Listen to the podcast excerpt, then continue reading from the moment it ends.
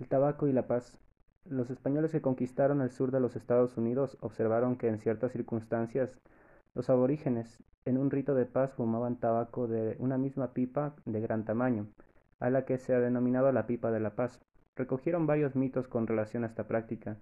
Según uno de tales mitos, cuando un joven esposo, con ocasión de participar en una cacería de bisontes, volvió al sitio donde conociera a su esposa y donde se unieran en feliz matrimonio, descubrió que en ese preciso lugar había crecido una planta nueva, desconocida, de un aroma extraño.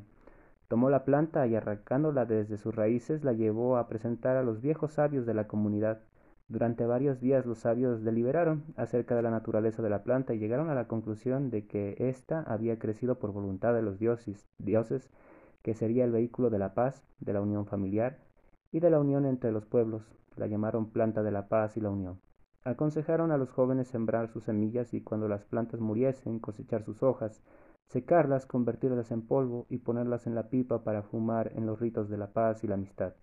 Según otro mito, dos tribus que mantenían una tradicional rivalidad se trabaron en una guerra sangrienta sin que ninguna de ellas lograra dominar a la otra. Intervino el dios de la paz y ordenó que cesaran las luchas y que los respectivos jefes se comprometiesen solemnemente a nunca más iniciar la guerra.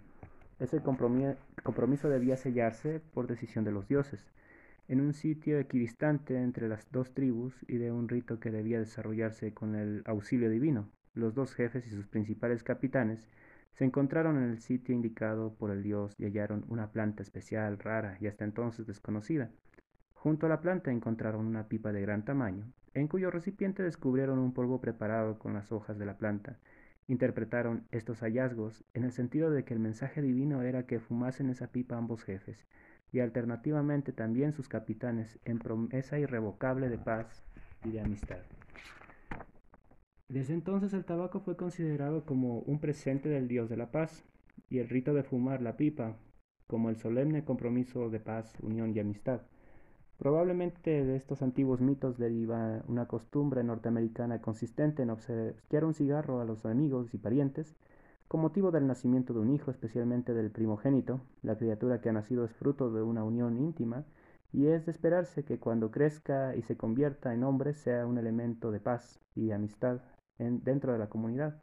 A pesar de lo frecuente de esta modalidad social, como sucede con otras, se ha perdido la noción de su origen. Aún guardo el cigarro que, celebrando el nacimiento de su primogénito, me ofreció un colega norteamericano hace ya muchos años, cuando yo realizaba un posgrado en la Universidad de Utah, Salt Lake City.